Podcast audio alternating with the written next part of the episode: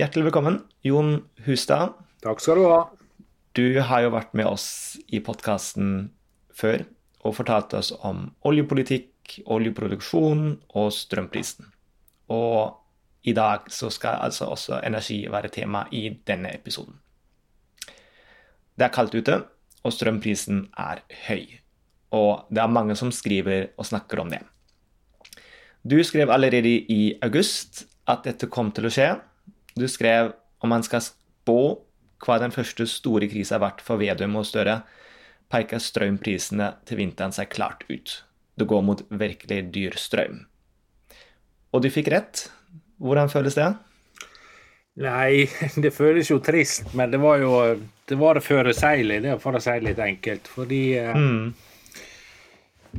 Vi har vært inne i et år med veldig lite vind, og det er slik at når været er flaksig på ett nivå, så blir det gjerne værende slik. Det, det handler litt om strøm i ja, internasjonale klimafenomen og lignende. Eh, så vind har vært veldig lav. Og i tillegg så har vi jo hatt storpolitikk med at Putin vil ha North Stream 2 eh, på plass. Og Tyskland var jo ivrig på det under Merkel, men det leier i korta at det vil føre til problem.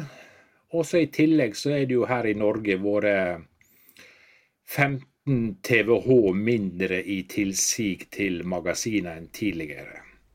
Mm. Det fikk deg til å spå at vi kom til å ha, få høye strømpriser? Ja. ja. Hvordan er det for deg med høye strømpriser? Dusjer du kortere nå? Nei, saka er at jeg er jo mesteparten av tida på Sunnmøre. Mm. Og der har vi normale strømpriser. Så de ligger og vaker mellom 20 og 70 øre. Nettopp, for det er Sør-Norge som er um, berørt av dette her. Og, men Midt-Norge ja. vil få høye strømpriser fra 24-25, for da kommer det en ny kabel over Sognefjorden. Og dermed så kan eh, også Midt-Norge koble seg på eksportledningene til Tyskland og Storbritannia. Så da vil mhm. prisene gå opp der også. Riktig. I artikkelen din i Dag og Tid 17.12. så mener du at man kan finne noe positivt ved de høye strømprisene. Du skriver at det er bra for klimaet, og det blir mer lønnsomt å gjennomføre strømsparende tiltak. Du skriver at prisgaloppen i høst er den grønne vendinga på turbo. Hva mener du med det? Om vi skal lykkes med den grønne vendinga, så må vi alle bruke mindre energi. Vi må bruke den mer effektivt. Og, det, og Norge flyter jo over av grønn energi, vannkraft spesielt. Og den vannkrafta kan komme til erstatning for kål og gass på sokkelen, som vi bruker nå. Og når prisene er vedvarende høyere, så vil både folk og bedrifter bruke mindre energi i alle former, men også mindre av grønn energi. Og når den grønne energien ja, når Norge gir mer tilgang til andre på vår vannkraft, så kan den altså da skubbe ut kål og gass. Mm. Så det er en bra ting på mange måter? Ja, det er en bra ting, men problemet er at det går så radikalt utover velgerne, vanlige folk. Mm -hmm. Og um, ja, hvis vi ser på future-markeder, som det heter, hvis vi ser på hva EU og Vest-Europa skal betale neste år alene i merkostnad, så er det på 500 milliarder dollar. Og det er en kolossal sum som kommer til å gå utover velstand til folk over hele EU, Storbritannia og Skandinavia. Og det skaper veldig uro i velgermassene. Og han kan gjerne snakke om at eh, markedet fungerer, at den grønne vendinga må gjennomføres. Men uten at både markedet og den grønne vendinga har legitimitet, så kan det ramle i hop. Ja, og derfor gikk vel regjeringen inn med det som kalles for strømpakken, hvor um, de i vintermånedene skal ta halvparten av regningen for strøm over 70 øre. Det gjorde de. Men problemet med subsidier er at de egentlig kamuflerer grunnleggende problem. Hvis strømprisen varig skal være høyere, så er ikke subsidier løsninga. Da må vi som samfunn og enkeltindivid og som bedrifter tilpasse oss dette. Det er ikke en løsning at folk først betaler skatt, og så får de pengene tilbake i form av subsidier. Det skaper ja, uheldige virkninger, for å si det litt enkelt. Mm. Ja, du skrev jo om denne runddansen i artikkelen din. Ja. Um, men du mener at det altså ikke løser det grunnleggende problemet. Hvordan løser vi det? Ja, nordmenn må venne seg til at strøm er mye dyrere. Og gradvis må de begynne å isolere, finne andre løsninger. Alle bør ha varmepumpe, en god del bør ha jord- og bergvarme. Det er en god del slike løsninger som er vært nokså normale på kontinentet, da, men som vi nordmenn ikke har tatt i bruk fordi vi har hatt billig strøm. Mm. Men nå lever vi i en ny virkelighet. Nordmenn, du og jeg, vi bruker Hvis vi tar 100% av vår energibruk, så kommer 80% av den fra strøm. I Tyskland og i Danmark kommer 20% fra strøm. Resten kommer fra fossile kilder og litt eh, ja, bio og lignende. Men den norske energibruken, den norske strømbruken, må ned, og det må også den fossile bruken, skal vi lykkes i den grønne vendinga. Mm. Ja, du skrev jo litt om hvorfor uh, denne sammensetninga er annerledes i Norge enn det er i mange europeiske land. Um, hvis vi nå skulle bestemt oss på nytt for hvordan vi skal bygge energimiksen vår, um, ville vi bygd det annerledes? Ja, vi ville trolig det. Vi ville nok ha gjort mer som svenskene, for de bruker veldig mye biomasse. For å, ja, altså tre, da. Ja. Men problemet med tre er jo at når vi brenner ved, så slipper jo den ut CO2, da. Men så er påstanden at eh, biotred som vi brenner, de vokser jo opp igjen og lignende. Og det er en stor debatt rundt dette. Men eh, svenskene får i år en mye lavere samla energiregning enn hva vi nordmenn får. Fordi de produserer 120 TWh ved å brenne tre. Norge produserer ca. 15 TWh fra tre, og da inkluderer vi vedbruk i private heimer. Mm. Og eh, vi har en enorm ressurs i skog. og jeg tror nok at blikket kommer til å bli vendt mot, uh, mot f.eks. lage fjernvarmeanlegg, og også produsere strøm fra vedfyring. da.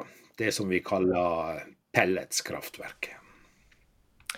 Og til tross for at Sverige bruker så mye tre og slipper ut CO2 fra tre, så fremstår de da som Europas mest miljøvennlige land fordi ved ikke inngår i klimaregnskapen. Ja. Hvorfor gjør det ikke det? Fordi teorien er jo at eh, for hvert tre du brenner, så vokser du opp et nytt et. Og Norge eh, har hvert år en tilvekst i skogen på over 400 TWh. Hvis Norge, for å si litt enkelt, inkluderte opptakene fra skog i eh, CO2-regnskapen vår, så ville utslippene våre vært halverte. Mm -hmm. Og det Det høres litt rart ut, da, men det er en god del land der ute som har et overskudd på den måten at de ikke de brenner mindre tre enn hva tilveksten er. Så, og det er jo en stor diskusjon. De fleste EU-land tar jo med tilveksten fra skog i klimaregnskapet sitt. Norge gjør det nesten ikke. Det er et politisk valg. det. Men det fine med det er jo at ved å ikke snakke om tilveksten, så kan vi også bruke mye mer av tilveksten. Da. Vi kan mm. velge å bygge veldig mye eh, energiproduksjon både fra kraft og fjernvarme og varme direkte i, i fabrikker fra, fra ved. Riktig. Og det skjer i veldig stor skala i spesielt Sverige, men også danskene, som importerer kolossale mengder fra spesielt USA. Alle land i EU bruker mye mer biomasse enn hva Norge gjør. Mm. Og hvis jeg forstår deg rett, så er det ikke enighet om hvorvidt det er skadelig for klimaet for du slipper ut CO2, eller klimanøytralt fordi de trærne som brennes, vokser på nytt. Jeg mener, og det gjør veldig mange forskere med meg, at det ikke er ei varig løsning. Um, og det er jo vi skrevet mye om i dag og tid, men det blir for meg litt merkelig at Norge ikke kan gjøre det alle EU-landene og Storbritannia gjør. Og når vi sitter igjen med ei dyrere energiregning enn de fordi vi ikke gjør det, så tror jeg også at det blir et politisk press på å bruke mer skog. Du skriver at ved er mest energieffektivt når det brukes til varmeproduksjon. Ja. Er vi da tilbake til at vi skal fyre med vedpeis igjen, som vi gjorde for 100 år siden? Ja, nå gjør jo mange nordmenn det, men det som eh, et paradoks er jo at det, eh, nordmenn begynte for de 20 år siden å ta i bruk varmepumper, som er veldig energieffektivt. Men pga. det så gikk vedbruken i norske heimer ned. Og, men markedet kommer til å respondere der. Eh, nå er veden i Oslo så ekstremt dyr fordi det er mangel. Alle vil kjøpe det. Og neste år kommer det til å bli tilbudt utrolig mye mer ved på markedet fordi prisen er mye høyere. Og eh, ja, de fleste med, med ovn nå, og de moderne ovnene er jo rentbrennende. En vanlig ovn de har effekt på ei ja, fire-fem eh, KV, så de produserer da. De faktisk kan produsere opp de 20-30 KVH i døgnet i varme. Eh, og eh, det svenskene primært bruker ved til, er jo til fjernvarme og i industriproduksjon. Fordi eh, det er mange prosesser som man gjennomfører i industrien der man kan bruke kål eller gass eller ved. Da. Og eh, vi gjør jo det også i Norge, f.eks. sementproduksjon til Norcem i, eh, i, Telemark er veldig mye basert på biomasse. Og fjernvarmen i Oslo den kommer ifra, primært fra avfall, men den kan også komme fra ved. Mm. Du skriver at um, det norske energinettverket, eller energiforsyningen, er basert på strøm. Ja. Så tenkte jeg, gjør ikke det oss ganske så sårbare også, når vi bare ja, um, har én energikilde uh, istedenfor som andre land som har flere? Nei, det, i utgangspunktet ikke, fordi vi har så kolossalt mye uh, strøm. Da. Vi I et normalår så produserer vi 156 TWh. Det er langt mer enn eh, det normale forbruket til nordmenn og til norske bedrifter. I år så produserer vi trolig 15 TWh færre enn vanlig. Eh, jeg vil ikke si det er tørkeår. Vi ender kanskje opp på 140 145. Også det er mer enn nok til å dekke det norske forbruket i år. Men i tillegg så eksporterer vi, og vi har fått to nye kabler. En til Storbritannia som ennå ikke går for fullt, den går for halv kapasitet. Og en til Tyskland som går for full kapasitet. Og nå i desember alene, med disse enorme prisene i Norge, så eksporterer vi likevel to TWh bare i desember. Og i går satte norske vasskraftverk ny rekord. Det har aldri vært produsert så mye norsk strøm fra vasskraft som i går. Den 21. desember 2021 satte Norge norsk rekord i kraftproduksjon, samtidig som prisene var rekordhøye i Norge. Det høres jo litt rart ut. Er det rett og slett markedskreftene som fungerer sånn at, at det skjer? Ja, Dette er rent marked. Hvert kraftverk, hvert kraftselskap har et krav fra sine eiere om å maksimere profitten. Eierne er stort sett kommunene, fylkene og ikke minst staten. Denne profitten går tilbake til kommunekassene og til staten. 85% av overskuddet som Statkraft genererer i Norge, havner rett i statskassa som utbytte. Det samme skjer i alle kommuner som eier kraftverk. Kommunene kommer i år til å få en Når nasjonalregnskapen er klar i januar, så vil de vise en enorm inntektsauke for kommunene. Koronaen har vært en velsignelse for norsk kommuneøkonomi. På hvilken måte? Ja, Først har de fått veldig mye støtte fra staten. Så gikk jo koronaen delvis over, og industrien kom i gang igjen i Europa. og Dermed så ble det et ekstra stort behov for strøm i Europa. Og disse pengene strømde inn i norske kommunekasser. Mm. Hvis vi skal se framover uh, på energi i Europa, hva er det vi trenger for at vi skal få nok energi og ikke slippe ut for mye CO2?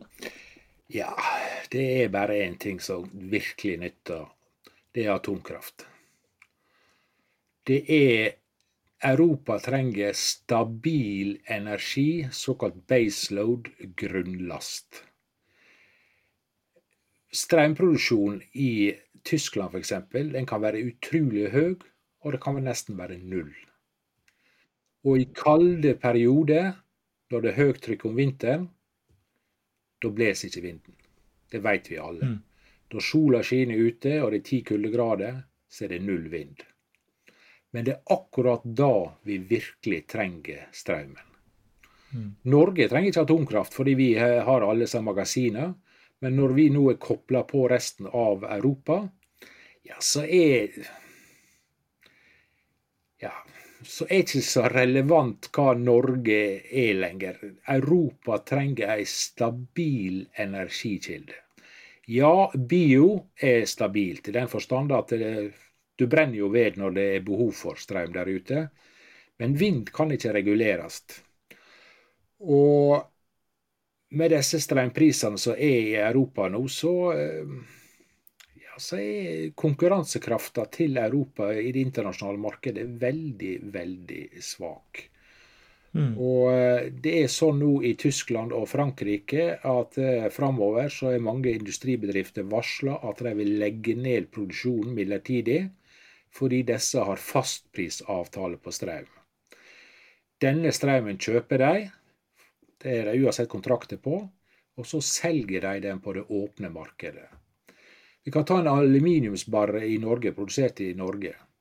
Hvis, hvis vi tar dagens aluminiumpriser og dagens kraftpriser, så hadde det vært mye mer lønnsomt for aluminiumprodusentene i Norge å legge ned produksjonen og selge den krafta de har kjøpt på lange kontrakter i det åpne markedet.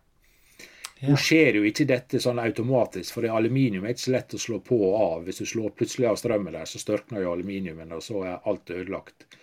Men hvis du planlegger for slikt, så, så, så går det. Og Han ser også i Europa at kunstgjødselproduksjonen er blitt eh, lukka ned. Og neste år så vil de globale matprisene gå rett gjennom taket pga. energimangelen. Så eh, vi trenger stabil energi, og det er i mine øyne helt tragisk at Tyskland nå er as we speak, mens vi snakker, nå driver og lukker kjernekraftreaktorer. Ja, for spesielt etter ulykken i Japan, etter tsunamien i 2011, så fikk jo atomkraft et veldig dårlig rykte på seg i Tyskland, som gjorde at da Merkel trakk seg ut av atomkraften, og nå legges da de siste atomkraftverkene ned. Har det skjedd noe i utvikling av atomkraft siden da som gjør at det er tryggere eller bedre i dag? Ja, det har skjedd mye. Men problemet, og det må jeg bare innrømme, er at fra du begynner å planlegge til det er iverksatt, så går det gjerne 10-20 år. Og hva gjør han da i mellomtida? Ja, da er han avhengig av gass som et, ei bru mellom det grønne og det, det grå. Og da igjen har vi dette problemet at eh, Vesten har knapt nok investert i gass siste åra. Norge har også leita mindre etter gass de siste åra. Og dermed har Russland fått en helt dominerende posisjon. Og Russland vender seg mer og mer mot Kina. Eksporten til Kina går opp og opp, og i år så har eksporten av gass til EU fra Russland gått ned. Så jeg er ikke så veldig optimistisk for de kommende åra. Hva er det du er bekymret for, Jon? Det er en prekær energimangel i EU og i Vest-Europa. Og det er ikke helt lett å se hvor den energien skal komme fra. Nå fyrer Tyskland for absolutt det de greier med kål. Frankrike slo for to dager på noe, på noe helt utdaterte oljekraftverk. De gjør alt for å opprettholde spenninga i nettet. Men er, nå er det så pressa at vi står i fare for at eh, vi får sammenbrudd i kraftnettet. Så denne vinteren her, eh, den blir altfor spennende. Enkelt og greit. Og Norge kan heller ikke Vi har ikke noen reserve å sette inn. Vi har ikke kålkraft, vi har ikke gasskraft. Så det eneste måten vi kan greie å få tak i strøm på hvis vi begynner å mangle det, er gjennom å kjøpe fra utlandet. Men da må vi ha høyere priser i Norge enn i omverdenen. Og da snakker vi opp, og så er det en maksgrense for hva kraftprisen kan gå nå. Det er 31 kroner per KVH. Og nå er det snakk om å heve den maksgrensa til 41 kroner. Og det har vært dager i Storbritannia der de i gjennomsnittet betalt 17-18 kroner i desember. Og vi har en kabel til Storbritannia. Så dette her kan verte Det kan verte stygt. Og, og da må det bare inn med enormt med nye subsidier til forbrukerne. Men EU sier jo nei til subsidier til bedriftene direkte. Så da er det to ting småbedrifter kan gjøre. Det er å sette opp prisen på tjenestene og varene de tilbyr, eller gå konkurs. Og det er kommende ukene, både nå rett før jul, jeg begynte allerede i dag, eller jeg begynte i går, og i romjula og i januar, så kommer det til å stå ei kø av småbedrifter og banke på døra til Finansdepartementet og be om penger. For det, La oss si at du driver et lakkfirma, da. Så, så må du bruke strøm. Og så ja, så la oss si tre-fire ansatte, så er kanskje strømregninga da 100 000 i måneden. Hva gjør du da egentlig? Så hvis ikke prisene kommer ned, ja, så er vi i en, en helt ny virkelighet der ute. Og det, Derfor skrev jeg at det var Finnbullvinter Finnbull i vente for Støre og Vedum. Det skrev jeg i august.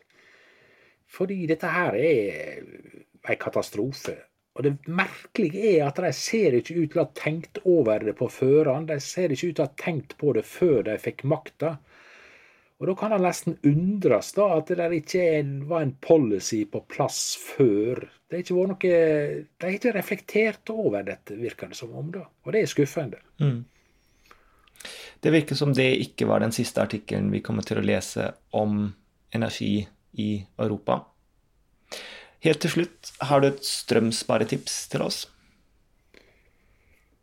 Ja, det er faktisk så enkelt at du må legge en del aktivitet til seint på kvelden eller tidlig på morgenen.